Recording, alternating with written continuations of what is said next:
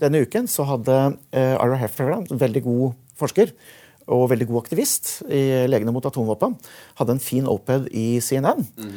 hvor han uh, viste fram det siste scenarioet som uh, legene i USA bruker. Mm. For hva de ser for seg av en mulig strategisk utveksling akkurat nå. Og Da snakker vi altså et angrep med type 3000 atomstridshoder fra hver side. 3000. Eh, vi snakker om eh, et sted mellom 77 og 102 millioner døde i Amerika første dag.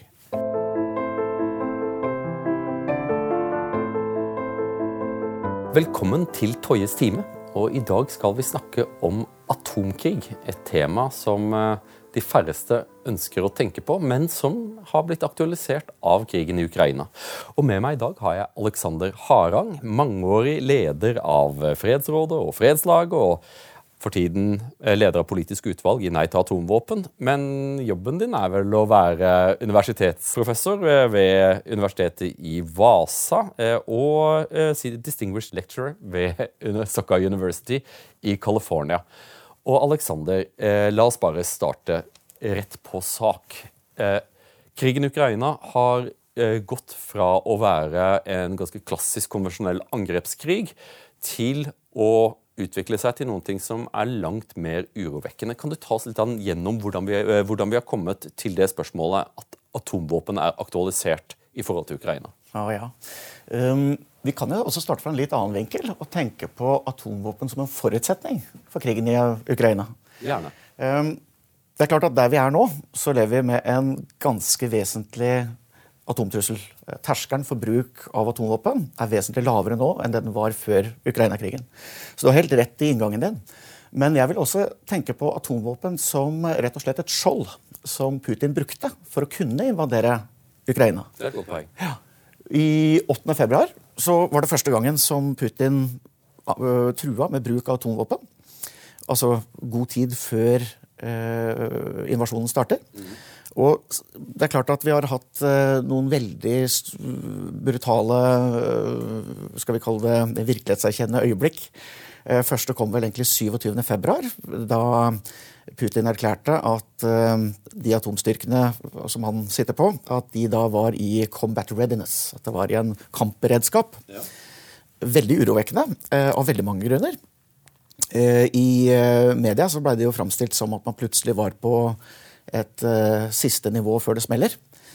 for oss som har forska litt på dette her, så var egentlig problemstillingen litt annerledes. Russland de har fem forskjellige beredskapsnivå som de i en normalsituasjon skal gå gjennom før du kommer til strategisk utveksling. Mm. Dette nivået som Putin da erklærte eh, rett etter at han hadde invadert Ukraina, det fins rett og slett ikke. Da fikk man jo svaret fra amerikanerne om at vent litt, vi ser ingen tegn til at russerne er i ferd med å hente stridshodene ut av lagrene og sette dem på missilene. Eh, og så Amerikanerne roet dette ned og sier at dette her er mer retorikk.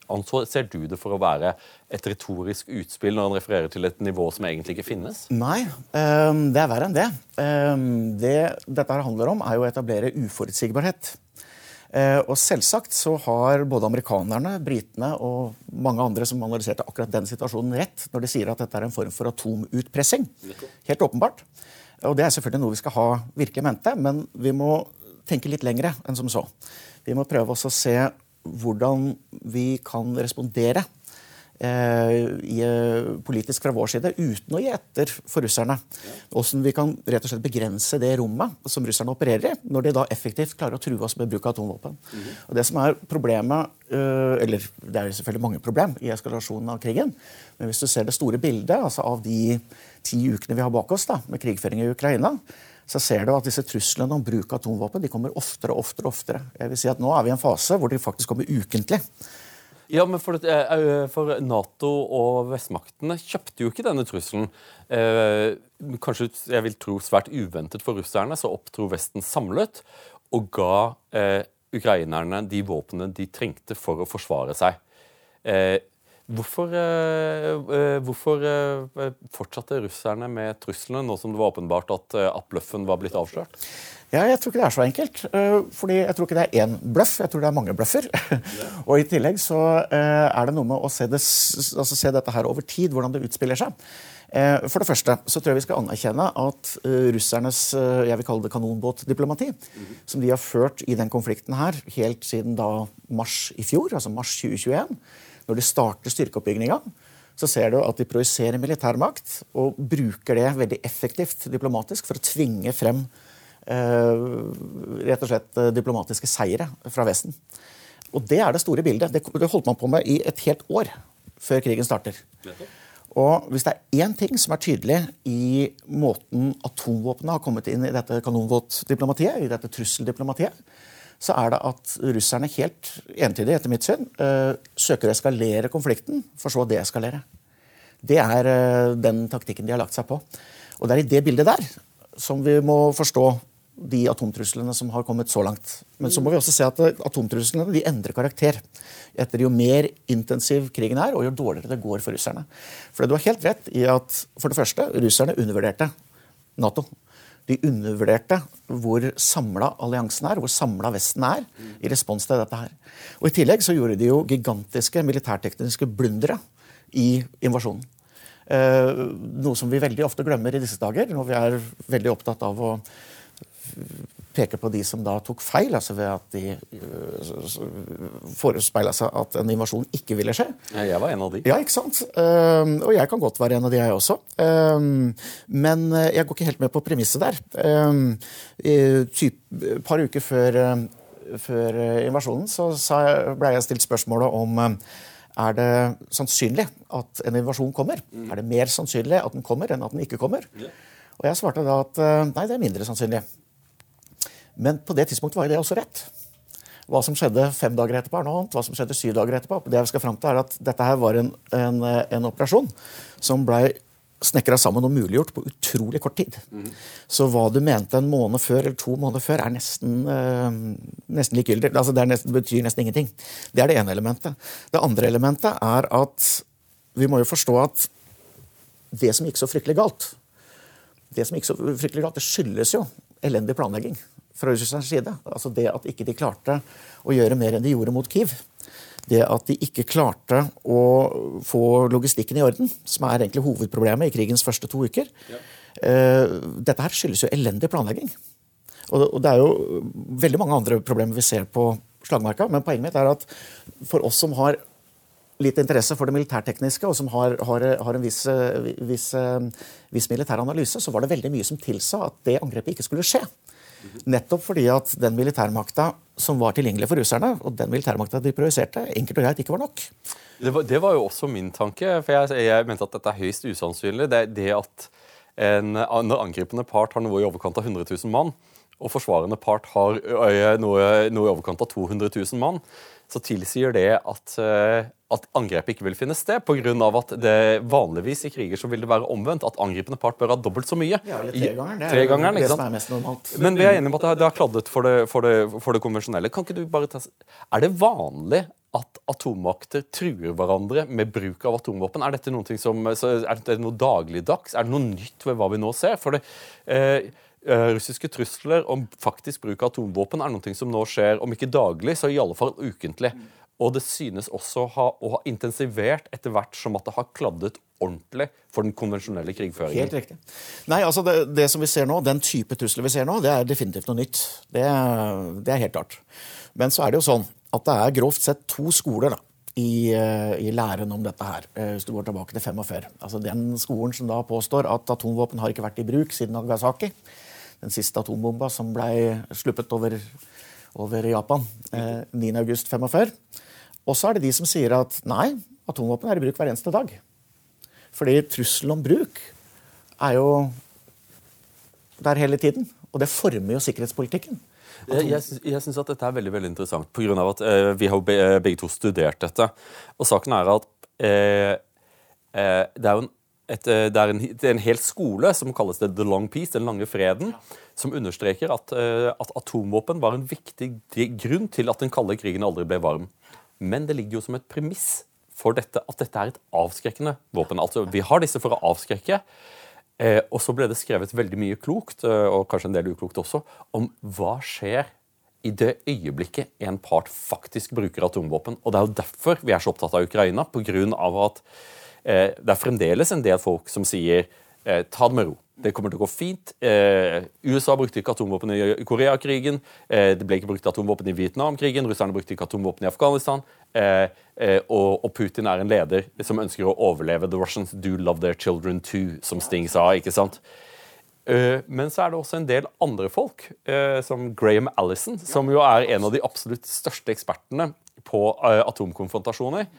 Eh, som, som, nå eh, på innpust og upust sier nå er vi i en ekstremt farlig situasjon, og vi er nærmere faktisk bruk av atomvåpen enn vi har vært på noe tidspunkt, inkludert Cuba-krisen. Ja, det er helt riktig. Er helt riktig. Uh, Graham Allison har jeg fulgt ganske nøye i, i, i spesielt Foreign Affairs uh, siste måned. Der er det er interessant lesning. Ja. Mm. Uh, de fleste som jeg ser, de estimerer den faren vi har for bruk av atomkrig nå, til å være omtrent på samme nivå som vi var under Cuba-krisa. Altså at eh, vi er omtrent der. Eh, og det er jo selvfølgelig noe helt nytt, og det er noe helt spesielt. Det som er hovedproblemet, slik jeg forstår det akkurat nå, det er uforutsigbarheten. Vi var så vidt innom det når vi innledningsvis snakka om de atomtruslene vi har blitt utsatt for så langt. Mm. Men hvis du går inn i doktriner og hva er det vi skal se for oss av respons her, så begynner det å bli ganske skummelt. Hva mener du med doktriner? Eh, det settet av, eh, av, eh, av regler da, for bruk. Altså hvordan vi planlegger å bruke atomvåpen. Det er klart, akkurat som du var inne på i, i, i det du sa om the nuclear peace argument, at det er klart at atomvåpen er jo ikke til for å brukes. De er til for å true med. Mm. Det er det som er hele poenget med avskrekning. Mm. Men det er klart at uh, hvis den avskrekningen skal være effektiv, så må du faktisk være i stand til å bruke disse våpnene. Nettopp. Og det, uh, sånn instinktivt så tror jeg at mange vil tenke seg at uh, at de store atomvåpenstatene, som jo er USA og Russland er jo de største, men vi har også Frankrike, Storbritannia, Kina, India. Og så pluss uh, Pakistan og Nord-Korea og Israel. Men de, ganske, de, er, de, har få atomvåpen. Man vil jo instinktivt tenke at uh, at alle disse har et prinsipp om at vi kommer ikke til å bruke atomvåpen først. Nei, nei, nei absolutt ikke. Eh, ikke førstebruk er et ekstremt viktig premiss. Eh, og det er noe som vi i Nei til atomvåpen nå setter fullt fokus på. For det, Nei til atomvåpen, selvsagt så er vi imot atomvåpen. Selvsagt skal vi ha atomnedrustning. Selvsagt vil, ønsker vi en verden helt fri for atomvåpen. Helt åpenbart. Men nå er vi altså i, midt i et paradigmeskifte. Eh, nå er vi i en helt annen situasjon enn vi var for ett år siden. Nå må vi fokusere veldig mye mer akutt på å rett og slett få atomfaren ned. Og da er det prinsippet Men disse to aktørene som står overfor hverandre nå Uh, og uh, La oss ikke gå inn i debatten om hvorvidt dette er en stedfortrederkrig. Uh, hva slags doktrine har USA, og hva slags doktrine Nato, og hva slags doktrine har Russland hva vedrører ja. første bruk? Mm. når det gjelder Biden, så har han laga sin egen sin egen eh, doktrine i forhold til det som vi kaller for Nuclear Poster Review. Mm. Dessverre så er den hemmeligholdt. Den ble ferdigstilt 28.3 for ikke så lenge siden. Eh, og er overlevert Kongressen, men er hemmeligholdt. Mm. Og den, det dokumentet, det er det som i amerikansk kontekst definerer forhold til om du skal bruke atomvåpen først eller sist, hvordan du skal innrette atomstyrkene, hvordan du skal, skal modernisere og alle disse spørsmålene. Og siden den eh, Biden Poster Review ikke er kjent, så kan vi ikke være helt konklusive. Det som er helt sikkert, er at Biden gikk til valg i 2020 på ikke førstebruk. -hmm. Hva betyr det? Jo, det betyr en politikk hvor du avstår fra å bruke atomvåpen først. Du sier rett og slett at ikke du skal starte en atomkrig. Mm -hmm. Og det prinsippet der, sammen med det som heter soul purpose, Eh, det er et begrep som vi veldig ofte blander. Ikke førstebruk og sole purpose. Men det er egentlig to forskjellige ting. Og selv Biden selv har jo blanda disse her, så det er ikke så rart at stortingspolitikere i Norge har litt vanskelig med dette her. og, og, og videre. Men, men jeg, kanskje jeg skal forklare dette først. Gjør det. Altså, På 60-tallet så begynner tanken om ikke førstebruk å, å spre seg eh, i det strategiske miljøet. Det er altså da tanken om at hvis man unilateralt, helt selv, som atomvåpenstat, kan erklære at jeg skal ikke bruke atomvåpen først, så vil det ha en uh, veldig stabiliserende effekt for de andre atomstatene. Uh, og Det kan være gunstig av veldig mange årsaker. Særlig i vår kontekst nå, med Ukraina, fordi at det gjør hele situasjonen langt mer forutsigbar. Mm -hmm. og hvis det er én ting som er farlig nå, så er det uforutsigbarheten. Mm -hmm. Det er det store. så på 60-tallet så utvikles denne ideen her. Allerede i 64 så får vi det første landet som adopterer en sånn politikk, da Kina som eh, da under Mao erklærer at vi skal aldri, ikke under noen omstendighet, bruke atomvåpen først. Ja. Litt utover 70-tallet eh, så begynner man i arms control-miljøet å tenke ut dette her med soul purpose. Hva er det? Veldig enkelt forklart så handler det om proporsjonalitet. -hmm. Det handler om at når du har et atomvåpen, som er så ufattelig mye mer skadelig, så har så enormt mye større katastrofale virkninger enn alle andre våpen, inklusive de andre masseødeleggelsesvåpnene, så er det rett og slett litt ute av proporsjoner å kunne svare på et hvilket som helst angrep med atomvåpen. Nettopp, nettopp for dette var jo en tanke før dette om at i det øyeblikket du setter en tå over grensa, så, så, bryter du løs. Da bruker vi atomvåpen. Helt riktig. Eh, og, det, men, og jeg er overrasket over at du ikke løfter fram fredsbevegelsen. For, det, for veldig mye av den debatten på 1960-tallet er jo drevet fram av nettopp fredsbevegelsen, som, som, jo løfter fram i offentligheten hvor sinnssykt det er at ikke bare så, så vil, vil, eh, både Nato og Sovjetunionen svare på et konvensjonelt angrep, altså uten atomvåpen, med bruk av atomvåpen, men man er jo også i en doktrine der man kommer til å bruke alt man har. I løpet av, i løpet av en veldig eh, rask fase så får du jo debatten gjennom 60-tallet som ender opp i flexible response. Ja. Eller fleksibel respons, som er Natos. Eh, så, som vel, er vel fremdeles Natos operative doktrine oh, ja, atomvåpen? Absolutt, og jeg skal komme tilbake til fredsbevegelsen veldig snart. Men bare la meg fullføre den sole purpose og ikke førstebruk-problematikken. For okay. den er litt forvirrende. Det som er saken, er jo da at hvis man Uh, en, uh, altså hvis, hvis, man går inn for sole purpose, så sier man jo da at uh, jeg vil ikke bruke atomvåpen hvis ikke jeg er angrepet med atomvåpen selv. Hvis jeg er angrepet med andre ting, mm. f.eks. et cyberangrep, eller om det kan være et, et, et angrep med kjemiske våpen, så skal jeg ikke bruke atomvåpen. Så det er sole purpose. Mm.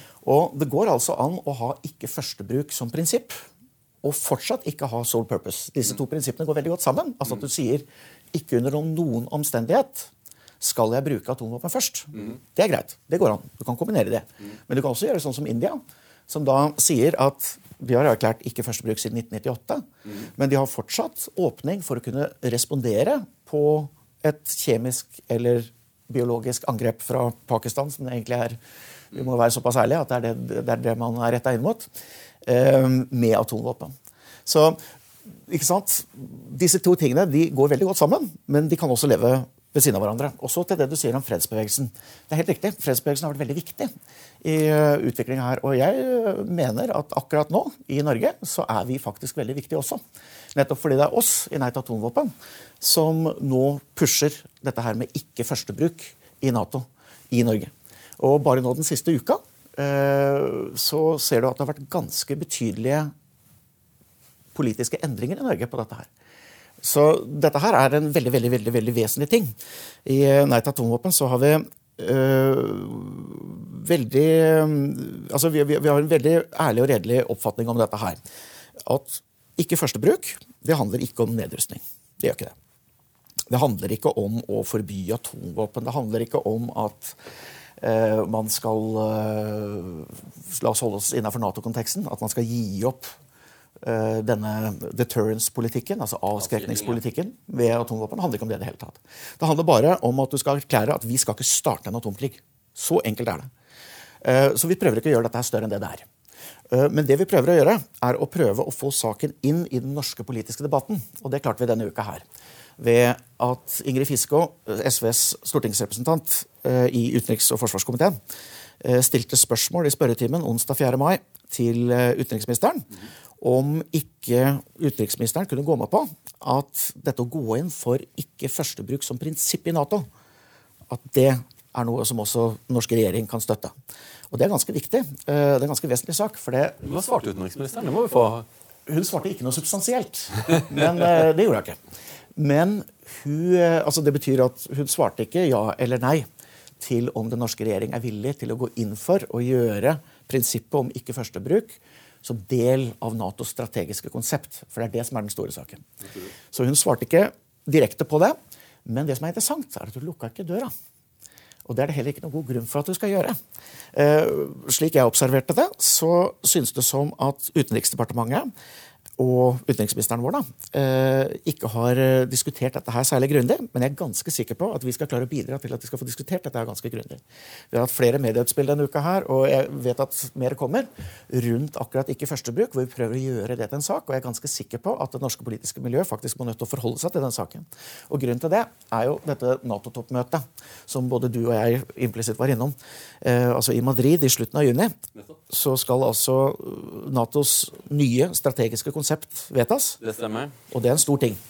Det er noe som ikke skjer hvert år. Sist gang det skjedde, var vel i Lisboa-toppmøtet i 2010. Jeg har jobbet mye med det. Ja, jeg òg. Og dette strategiske konseptet, det er jo det som også gir rammene for både trusler og bruk, og bruk grovt sett av atomvåpen. Men så, så jeg må jo da si, siden vi begge to jobber med det, at det ville være høyst uvanlig om Nato skulle skrive noen ting om førstebruk i det strategiske konseptet. For det strategiske uh, Man må ikke forveksle dette med den militære doktrinen mm. til, uh, til, Nato. Det er jo Vanligvis så har jo spørsmål knyttet til atomvåpen vært, vært, vært referert i den, i den, militære doktrinen som ikke offentliggjøres. Nei, det er jo ikke så enkelt. For det du fleksibel respons, det som er den nåværende linje, er jo gitt av det strategiske konseptet. ikke sant? Og hva betyr det? Jo, det betyr jo det at vi forbeholder oss retten til å angrepe først. Mm -hmm. Så når du har artikulert fleksibel respons, så kan du like gjerne artikulere ikke førstebruk. Og fleksibel respons betyr ganske enkelt at, eh, at eh, hvis du bruker en atombombe, så bruker jeg en atombombe. Så man går bort ifra den tanken om at hvis du bruker en atombombe, så, så bruker jeg hele arsenalet på deg. Det er, det er den ene aspektet med det. Men den, det andre aspektet som jeg tror mange ikke er klar over, er at eh, Nato står rede til å bruke atomvåpen først. Det har du helt rett i. Det, og det er, en, det, er en, det er, en, levning fra den kalde krigen. Det er, liksom, det er enkelte av, av, seerne og, og, lytterne som ikke vil være klar over eh, hvordan ting var under den kalde krigen. Der var det en stor bekymring for at Nato var eh, underlegen i såkalte konvensjonelle våpen, og denne frykten for at, eh, at Sovjetunionen kom til å pøse gjennom the Folder Gap. Ja. Eh, og at vi måtte da bruke atomvåpen for å, for å stanse dette gigantiske tankslaget som ville finne sted på, på slettene i Tyskland. Eh, også på en eller annen måte så har denne, eh, denne doktrinen bare blitt med oss inn i den kalde krigen og helt fram til i dag. Det er helt riktig. Men, så, men jeg må få spørre deg, liksom, det, eh, de, som, de, som, ser Toyets time, vil jo bli litt an, eh, synes at, at dette er litt underlig, for vi hadde jo Hedda Langmyr eh, som ga et helt annet inntrykk av fredsbevegelsen og dens relevans enn det du gir nå? Ja, det er sant. Hun sa at det var umulig å drive i en periode eh, som ikke ligger langt bak oss, hadde vært umulig å drive politi politikkutvikling pga. at fredsbevegelsen var blitt infisert av eh, eh Nå parafraserer jeg, men iallfall infisert av konspirasjonsteorier, og at den var altfor pro-Russland. Ja, det er helt riktig, og det er eh, rett og slett feil. jeg må si det så strengt. Grunnen til det er fordi at uh, det hun sa på din podkast, var jo altså at i Norges fredsråd i perioden 2014-2017 så blei det umulig å drive politikkutvikling. Fordi det var så mye konspirasjonsteorier, desinformasjon, som lå i fredsmiljøet. Og det mener du at det ikke er tilfellet? Jeg vet det. For jeg var der. Jeg var faktisk i ledelsen av Neit atomvåpen både før Langemyrs tid, under hennes tid og etterpå. Jeg har 15 eh, år i ledelsen der. Og jeg kjenner veldig godt til politikkutviklinga som skjedde i den perioden. 2014-2017. Det skjedde på tre arenaer. I styremøter. Jeg var på hvert eneste ett i den perioden. Det skjedde i representantskap. Jeg var på alle i den perioden. Og det skjedde i medlemsmøter. Jeg var på alle i den perioden. Og jeg vet at politikk blei vedtatt. Jeg vet at uh, konspirasjonsteorier og problemet med steigan.no, som hun nevner, mm. det var faktisk ikke relevant. At hun som daglig leder kan ha hatt problemer. Mm med konspirasjonsteorier, at hun kan ha hatt problemer med steigan.no og sånt. Mm. Helt greit. Helt greit. Det kan godt ha skjedd. Men det er en helt fullstendig feil framstilling av fredsbevegelsen at ikke vi var i stand til å utvikle politikk. Og det etterlatte inntrykket etter den episoden der, det er også høyst problematisk av den enkle grunn at både kommentatorer i Dagbladet og Aftenposten tok opp den stemmen her som et sannhetsvitne. Mm. Og da rett og slett har formidla til det norske folk at uh, det etterlatte inntrykket, som altså er at fredsbevegelsen er et eneste stort bol av konspirasjonsteorier og desinformasjon, det er rett og slett feil. Altså, jeg kan ikke tale på vegne av hele fredsbevegelsen lenger. men jeg kan, uh, for De siste tre årene har jeg bare vært engasjert i Nei til atomvåpen. Men jeg kan jo fortelle deg i hvert fall at i de, tre årene, de siste tre årene så har ikke jeg brukt et minutt på verken steigan.no eller desinformasjon eller konspirasjonsteorier. Verken i Nei til atomvåpens landsstyre eller i Nei til atomvåpens politiske utvalg. Så den virkelighetsbeskrivelsen kjenner jeg meg rett og slett ikke igjen i. Men, men, for, men, for, men, for, å vende tilbake til ingen førstebruk. Ja. Stemmer det at, eh, at fredsbevegelsen og Nei til atomvåpen nå finner sammen omkring denne ene saken? ikke førstebruk? Er det, er det, er det, leser, forstår jeg det riktig? Yes, det er akkurat det det gjør. Og her ligger det uendelige muligheter. Eh, du vet at vi er vant til, i eh, kampen mot atomvåpen, så er vi vant til å komme inn i veldig mange sånn type grøftekamper som er nesten umulig å vinne. Altså, et klassisk problem som vi møter, er at hvis du er imot atomvåpen, så kan du ikke være for Nato. Mm -hmm. Vel, det der er noe vi har slitt med i generasjoner. Eh, vi i Nei til atomvåpen vi er verken for eller mot Nato. Vi er åpne for både de som støtter Nato, og de som er imot. Og det har vi vært i generasjoner. Det er ikke noe nytt. Det som er vår tilnærming, er jo hva skal Norges politikk i Nato være? Det er jo det som betyr noe. I forhold til f.eks. For et strategisk konsept som enten legger til rette for å starte en atomkrig, eller å legge rett og slett begrensninger på å bruke atomvåpen først. Altså ikke førstebruk. Det er jo det dette handler om, og det er det vi må fokusere på. Og vi i Nei til atomvåpen har vært veldig ivrige over en lang stund nå på å prøve å få dette her inn i valgkampen som vi hadde i fjor. Eksempel. få det inn i valgkampen, få inn diskusjonen. Hva skal Norges stemme i Nato være? Hva er den faktiske politikken vi skal stå for? Vi må snakke om atomvåpenpolitikk. Det er det vi trenger. Ikke for eller mot Nato. Det er fullstendig irrelevant. Men Ukraina har jo aktualisert dette, eh, og nå må vi jo komme til eh, For vi, vi, vi, har snakket om Kina, vi har snakket om India, som, som har ikke første bruk. Vi har Nato, som ikke har det. Hva med Russland? Hvor står Russland? Som er, er, aggressoren, det er den angripende part. Det er de som truer. Eh, hvordan, hva slags doktrine har de i forhold til første bruk av atomvåpen? Ja, altså dette her er jo, øh, De holder jo muligheten åpen, for å si det enkelt. Og nå er vi i en veldig spent situasjon med veldig stor grad av uforutsigbarhet, som vi har vært innom så vidt. Mm. Um, og det er mye mer vi kunne ha sagt om det. Og jeg tror at det er et tema som vi eh, også, da kanskje særlig Minervas uh, lesere, uh, bør reflektere litt, uh, litt, dypere over. Hva er det den uforutsigbarheten her? Hva er det den gjør med oss? Hvordan endrer den spillet? Og hva er det vi kan gjøre i respons for å få litt mer forutsigbarhet? Um, det er jo her også mye av gullet i ikke-førstebruk ligger. At vi søker å få en mer forutsigbar situasjon. Um, hvis du ser f.eks. Eh, Minervas uh, uh, nyhetsredaktør Aksel Fridstrøm. Mm -hmm. Han hadde en veldig interessant kommentar for en drøy måned siden. -hmm. Jeg er abonnent selv. Jeg liker Minerva veldig godt. Ja, Det må jeg få lov til å si at alle som lytter til Torjus time, dere må få dere Minerva-abonnement. Det er ikke så dumt.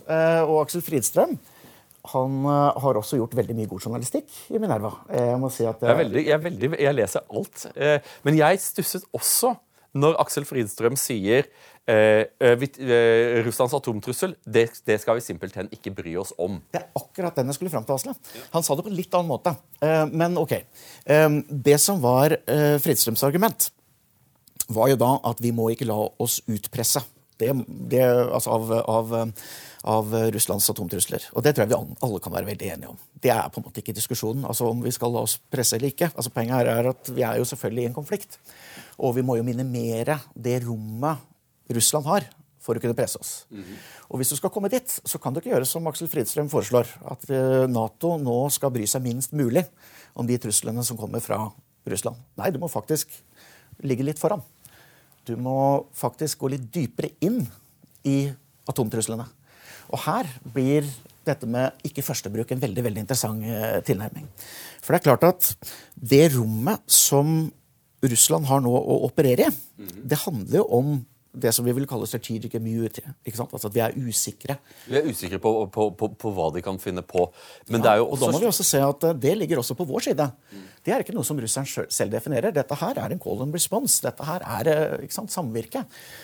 Og du må se at når vi i Natos uh, gjeldende strategiske konsept uh, Når vi i Nato når vi legger rett og slett til rette for uforutsigbarhet Fordi vi ser uforutsigbarheten i det spillet her sånn som nyttig for vår avskrekkende effekt mot Russland, så må vi skjønne at i de tidene vi lever nå, så er ikke det særlig smart. Det er rett og slett korttenkt. Og det vi kan gjøre der, er hovedsakelig to ting. Sånn som eh, det strategiske konseptet ligger nå, så legger Nato opp til uforutsigbarhet i dette spillet her, både ved at russerne, eller hvilken som helst annen fiende, ikke skal kunne vite nøyaktig hvor grensa går for når vi trykker på knappen. Mm. Og I tillegg så går det på atomstyrkene. For Nato som organisasjon har jo selvfølgelig ikke noen atomvåpen. ikke sant? Det er, det, det er mange som ikke vet det, men Nato har jo ingen hær. Eh, Nato har enkelte, enkelte kapasiteter, noen, noen, fly og sånne ting, mens, mens, Nato er jo forsvarende til medlemsstatene. Riktig. Det er jo det som er Nato. Ja, og så er det tre medlemsstater som har atomvåpen. Det er eh, USA, det er Frankrike og det er Storbritannia. Og når vi snakker om eh, eh, Natos atomvåpenpolitikk, så er det først og fremst de amerikanske atomvåpnene som er interessante. Mm -hmm. Det er de eh, amerikanske taktiske atomvåpnene som er utplassert i fem europeiske land, eller i fem Nato-allierte land. det som vi kaller for nuclear sharing. Mm -hmm. det, er det er en veldig viktig komponent av det. Og så er det dette med at ja, det er, det er, i all hovedsak uh, de amerikanske atomvåpnene det handler om. Men hvis du ser på det strategiske konseptet Og nå har vi altså et utkast til det konseptet som skal vedtas i juni i Madrid. Det har ligget klart siden 3. februar. Det kommer helt sikkert til å bli oppdatert en del. Det vil bli mye endringer i det utkastet av den enkle grunn at vi har fått en Ukraina-krig. Mm. Eh, men det som ligger der, eh, det som er forslaget i bordet for å si det sånn, til dette toppmøtet, det er at atomstyrkene, Frankrike, Storbritannia og USA, de skal kunne operere hver for seg. Med det formål å skape uforutsigbarhet for fienden. Ja. Det er et grunnleggende problem. Dette jeg starta med, at fienden ikke skal vite. Det er derfor vi har et fleksibelt respons ikke sant? Mm. istedenfor en ikke-førstebrukspolitikk. Mm. Eh, de, skal, de, skal, ha vanskelig for å lese oss. Mm. Og så kan du se da Russland i en pressa situasjon. Med en kar som Putin, med et uh, kobbel av mennesker rundt seg, hvor vi ikke engang vet hvor mange mennesker, vi vet ikke engang hvilke mennesker som skal til for å trykke på knappen, for å starte atomutvekslinga. Vi vet ikke, altså vi har en enorm uforutsigbarhet i den situasjonen vi er nå. Og vi har et regime som er ekstremt pressa. Og da er jo min tilnærming at da må vi tenke litt lengre enn Aksel Fridstø.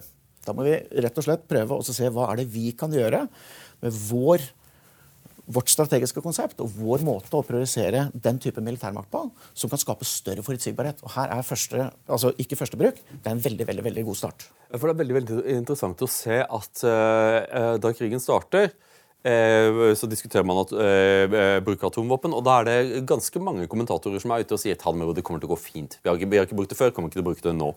De stemmene har eh, gradvis stilnet, og stadig flere av de ledende ekspertene advarer om at vi er svært nære bruk av atomvåpen. Det har jo noe å gjøre med hvordan krigen utvikler seg. og det er noe som jeg tror at vi må, vi må ta med. Altså, Russland angriper Ukraina.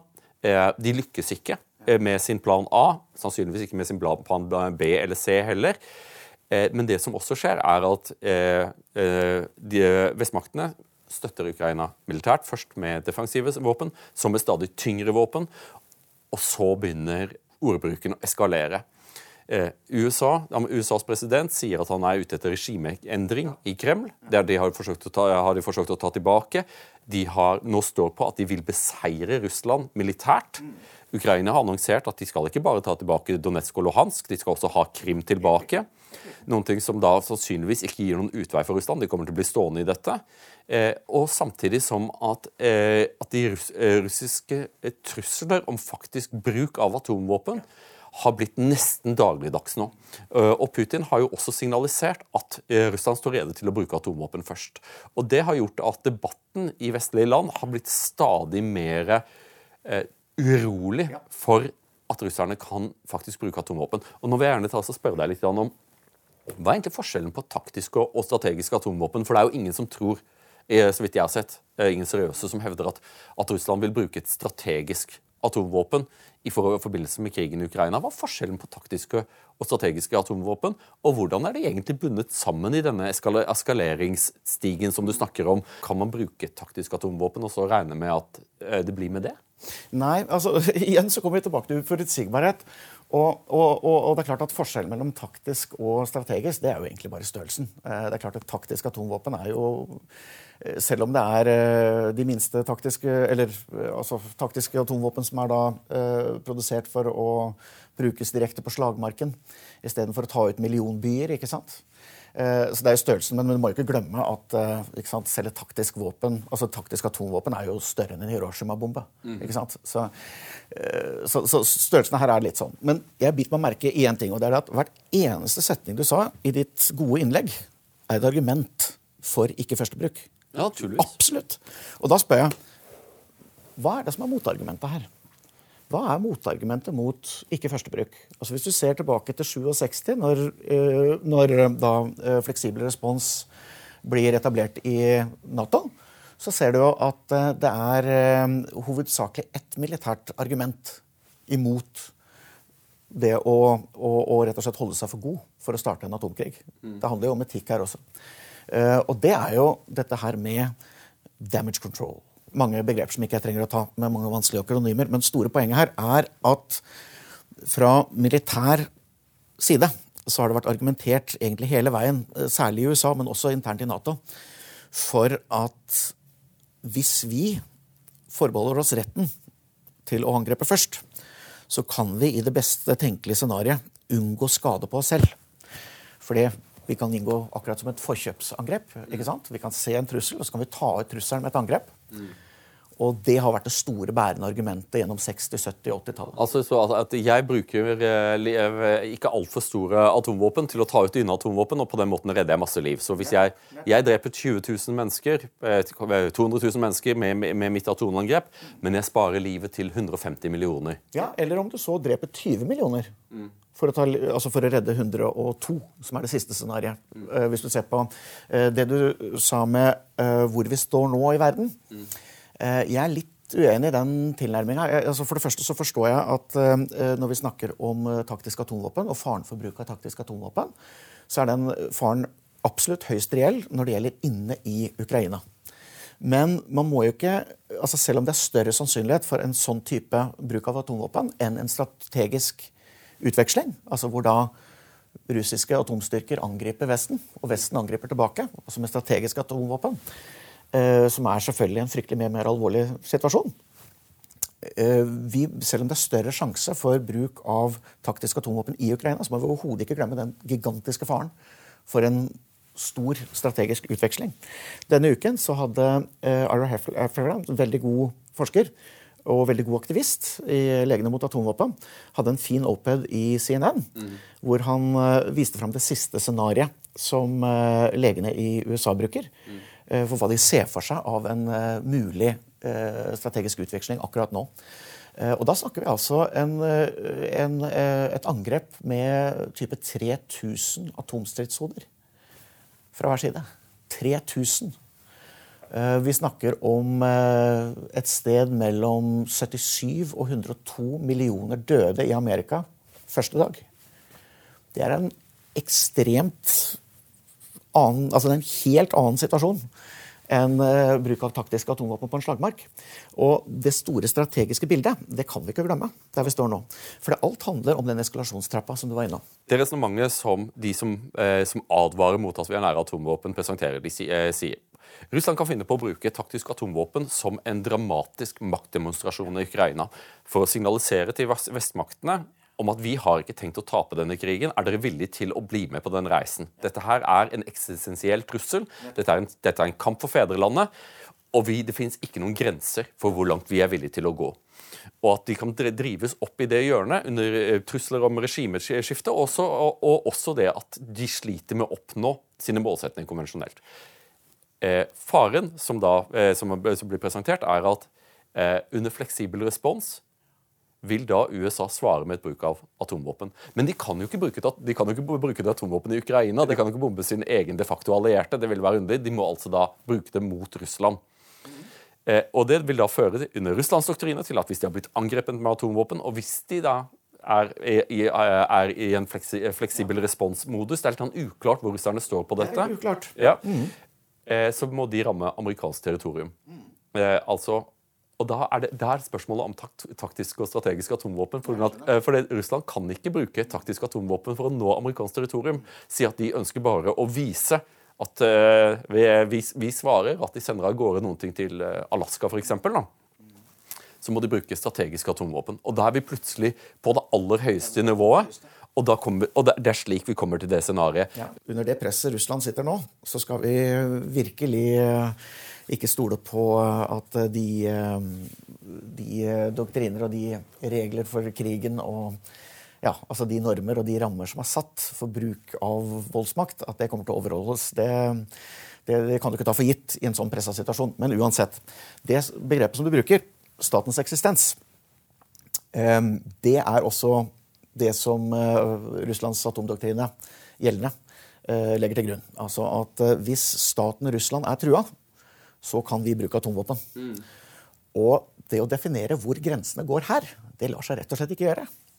Altså Nøyaktig når er Russland satt i en sånn situasjon at den russiske stats eksistens, sett fra Putins side, er trua. Eller menneskene rundt Putin. For I siste instans så blir det jo liksom så, eh, Graham Allison skriver i en av de store, eh, en av de viktigste bøkene i statsvitenskapen, som heter The Essence of Decision, så koker det jo ned til hvorfor går ikke Cuba-krisen over faktisk bruk av atomvåpen. Det handler om kvaliteten på lederskap i et rom i USA. John F. Kennedy som sier når han blir presset til å bruke atomvåpen først, så sier han nei, det skal vi ikke gjøre. Minnene fra Pearl Harbor.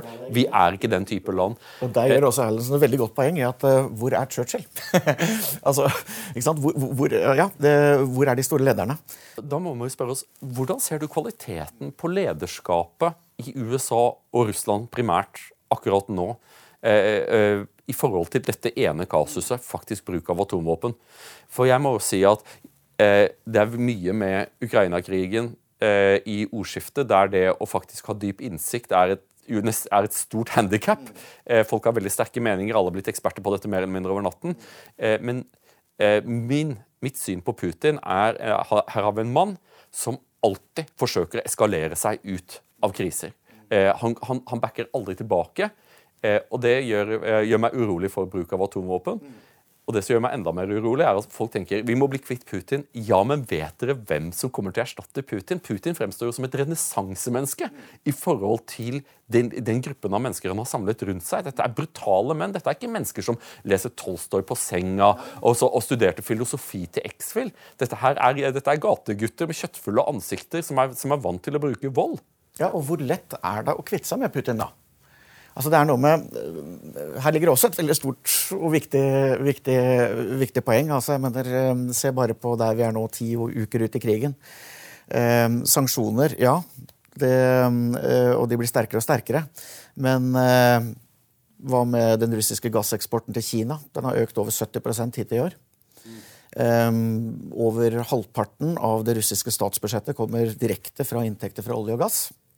Det er ikke sånn at eh, Russland per i dag ikke får omsatt sin, eh, sine hydrokarboner. da.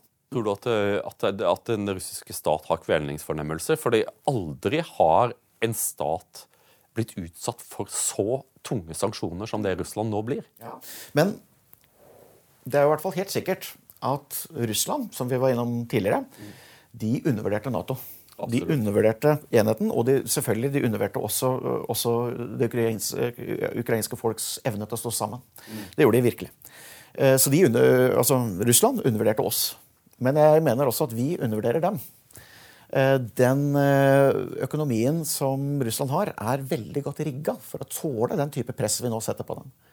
Og det å tro at disse sanksjonene bare skal gi effekt innafor uh, kort tid, altså på et sånt monn at det faktisk kan stoppe den russiske krigsmaskinen, uh, det er veldig naivt. Uh, det siste estimatet jeg så denne uka her, i forhold til praktiske effekter på oljeøkonomien i Russland, antyder at med det sanksjonsregimet vi nå har gjeldende, så vil det være en ca. 15% reduksjon av inntekter. Jf. det jeg sa med statsbudsjettet og avhengigheten av hydrokarboner. Ja, og Oljeprisen har økt med mer enn 15 så ja. Korrekt. Eh, og du har altså et eh, gigantisk marked både i India og i Kina som står helt åpent. Og eh, i den energisituasjonen vi er i verden nå, med selvfølgelig enormt høy usikkerhet og derfor også svært høy pris, så er det ikke en selvfølge at vi klarer å kvele den russiske økonomien sånn som vi spiller kortene våre nå. Og jeg mener at Det ligger noe dypere her også, som er mer fredspolitisk. hvis jeg kan få lov å gå over dit. Nei, veldig gjerne. Ja, for det er noe med det eh, som eh, du indikerte i noe du sa tidligere, at eh, vi i fredsbevegelsen er eh, Vi har i hvert fall en tendens til å fokusere litt mye på våpen. Mm og jeg er kanskje et godt eksempel på det som person, for det, er få som har brukt så mye tid på våpen som meg i norsk fredsbevegelse. Ja, for du er jo også en ekspert på konvensjonelle våpen, og har uh, brukt mye i mediene. Jeg, jeg, har snakket med deg tidligere, og det er få mennesker som kan så mye om detaljene om, på missiler og håndvåpen og alt sammen. Ja, og det fortjener i utgangspunktet kritikk, mener jeg. da. For det det vi i fredsbevegelsen driver med, eh, og det som er grunnen til at vi er fredsaktivister, det er jo overhodet ikke våpen. Jeg syns at kanskje noe av den mest spennende kritikken som har kommet eh, derfra, det er eh, Steven Pinkers kritikk i 2018 i Enlightenment Now. Dette er altså han, han Harvard-professoren i psykologi Stemmer. som påpeker noe helt åpenbart i psykologien. Og det er jo det at vi mennesker vi er jo måldrevne. Ja. Vi gjør ting fordi vi har mål. Vi har formål med ting. Og på det grunnlaget så kritiserer han fredsbevegelsen for å være for overfokusert da, på våpen. For våpen er jo bare et virkemiddel, det er bare et verktøy. ikke sant? Og han har jo helt rett. Og den problemstillinga der har jeg levd i i over 20 år som fredsaktivist. Eh, at eh, det fredsarbeidet handler om, er jo noe helt annet om våpen. Det handler jo selvfølgelig om noe mye dypere. Det handler om ikke-voldelig konflikthåndtering. Det handler om hvordan kan vi håndtere en konflikt ikke-voldelig uten bruk av våpen. Det er fremme av alle ting som er relevant for å få en ikke-voldelig løsning på en konflikt. Det er det som er fredsarbeidet. Og i det bildet her så er våpen en ganske liten del. Våpen er bare verktøy. Ja. Det store bildet her er jo at vi skal jo gjøre noe både før konflikt, altså vi skal forebygge konflikt. Og her må jeg si en ting. Når jeg snakker om konflikt, så er ikke det som noe negativt. Altså, I en fredspolitisk forståelse av konflikt så er for det første konflikt er helt naturlig. Det er bare interessemotsetninger. Eh, enten at du tror eller at du vet at dine interesser er ikke kompatible med mine interesser. For eksempel. mm. Det er en enkel definisjon av konflikt. Og det er ingenting galt med konflikt. Du kan ikke ha utvikling verken i deg selv eller i samfunnet uten noen form for konflikt. Det er uunngåelig. I internasjonal politikk i det minste. Helt riktig, ja. Så spørsmålet er egentlig ikke om konflikt er bra eller ikke. Det er hvordan skal vi håndtere konflikter. Og det er her fredsbevegelsen kommer inn med å si at voldelig konflikthåndtering det er rett og slett ikke optimalt. Vi har en bedre løsning vi må promotere ikke-voldelig konflikthåndtering. Og Det er jo hele basisen for at de driver fredsarbeid. Så spørsmålet blir da, Hvordan kan en kar som meg bruke så ufattelig mange tusen timer på våpen? midt inne i det gamet her? Mm. Jo, jeg anerkjenner uh, Pinkers kritikk. At øh, vi veldig fort kan få et overfokus. Men personlig opplever jeg ikke å ha et overfokus. Selv nå som jeg er aktiv i Nei til atomvåpen og bruker nesten all tid bare på atomvåpen. Mm. Uh, jeg, jeg ser det ikke helt fordi at virkemidlet det er jo selvfølgelig fortsatt relevant. Om du har en hammer, så blir alle problemene dine spiker. Nei, unnskyld, skruer. ikke sant? Altså ja. Den klassiske. Spiker. Ja, ja, ikke skruer. Kan ikke bruke hammer på, på skruer. Nei, men hvis det eneste verktøyet du har Så poenget er da at eh, hvilke verktøy du har tilgjengelig, det former jo også atferden din. Mm. Og det er klart at hvis det er lett for deg å ty til vold, så vil du også oftere ty til vold. Så det er ikke det at våpen er irrelevant for fredsarbeidet. Nei, nei, det er selvfølgelig relevant. Men vi må passe oss på å ikke ikke overfokusere. At ikke vi på en måte gjør våpenet til en fetisj. Eh, der, må vi, der, må vi, ha en veldig fokus. Vi må alltid huske at det primære i fredsarbeidet det er fremme av ikke-voldelig konflikthåndtering. Ja, men det har vi, jo, vi, er jo forbi dette når det gjelder Ukraina. og Det er også så... Det er vi ikke. det er vi ikke. Nei. Eh, hvis vi skal klare å bygge fred i Ukraina på sikt, så er vi nødt til å se for oss en felles framtid med russerne. Og det er en felles framtid som blir til i denne krigen. Hvis vi slutter å fokusere på hvordan vi skal klare å bygge fred sammen over tid, så kommer vi aldri i verden til å få det til. Og her mener jeg at fredsarbeidet har Her er det veldig viktig at veldig mange tyr til fredsarbeidet.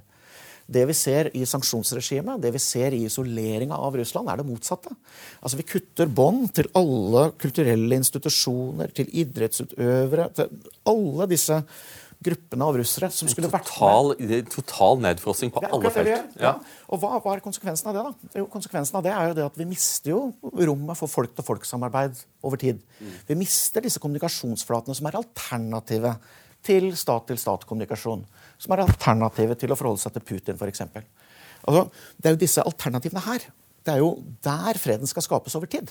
Og hvis vi mister fokuset på det, at vi må søke en felles framtid med Russland, uansett hvor fæle russerne er nå, uansett hvor grotesk Ukraina-krigen er, uansett hvor entydig det er at dette her er Russlands aggresjon, og er fullstendig forkastelig, så må vi finne en eller annen måte å bygge fred over tid.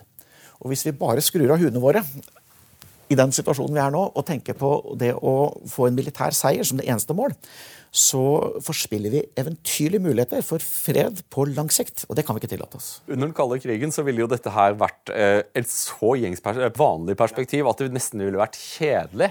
Mens nå fremstår det jo som forfriskende og nesten kontrært. Altså at eh, forståelsen av at på et eller annet tidspunkt så vil denne krigen måtte avløses av forhandlinger, og krig vil måtte avløses av fred. Og tanken om at det er bedre at vi gjør dette før vi har drept en masse mennesker, enn etter. Det, jeg jeg, jeg syns det er så underlig hvordan denne utviklingen har, eh, har vært i Norge og i vestlige land. Denne voldsomme uh, tør jeg si det, krigsentusiasme, denne troen på en seier på slagmarken, på tross av at du vet, og jeg vet, at det finnes ingen seier på denne slagmarken. Eh, Russland kommer ikke til å veive med det hvite flagget og si sorry, sorry, eh, vi gir tilbake alle provinsene, eh, vi, vi tapte. Det kommer ikke til å skje. Eh, det, eh, det vil jeg holde for nesten eh, utenkelig. Og da er det jo spørsmålet er hvor mange skal dø før man kommer fram til, til forhandlingene.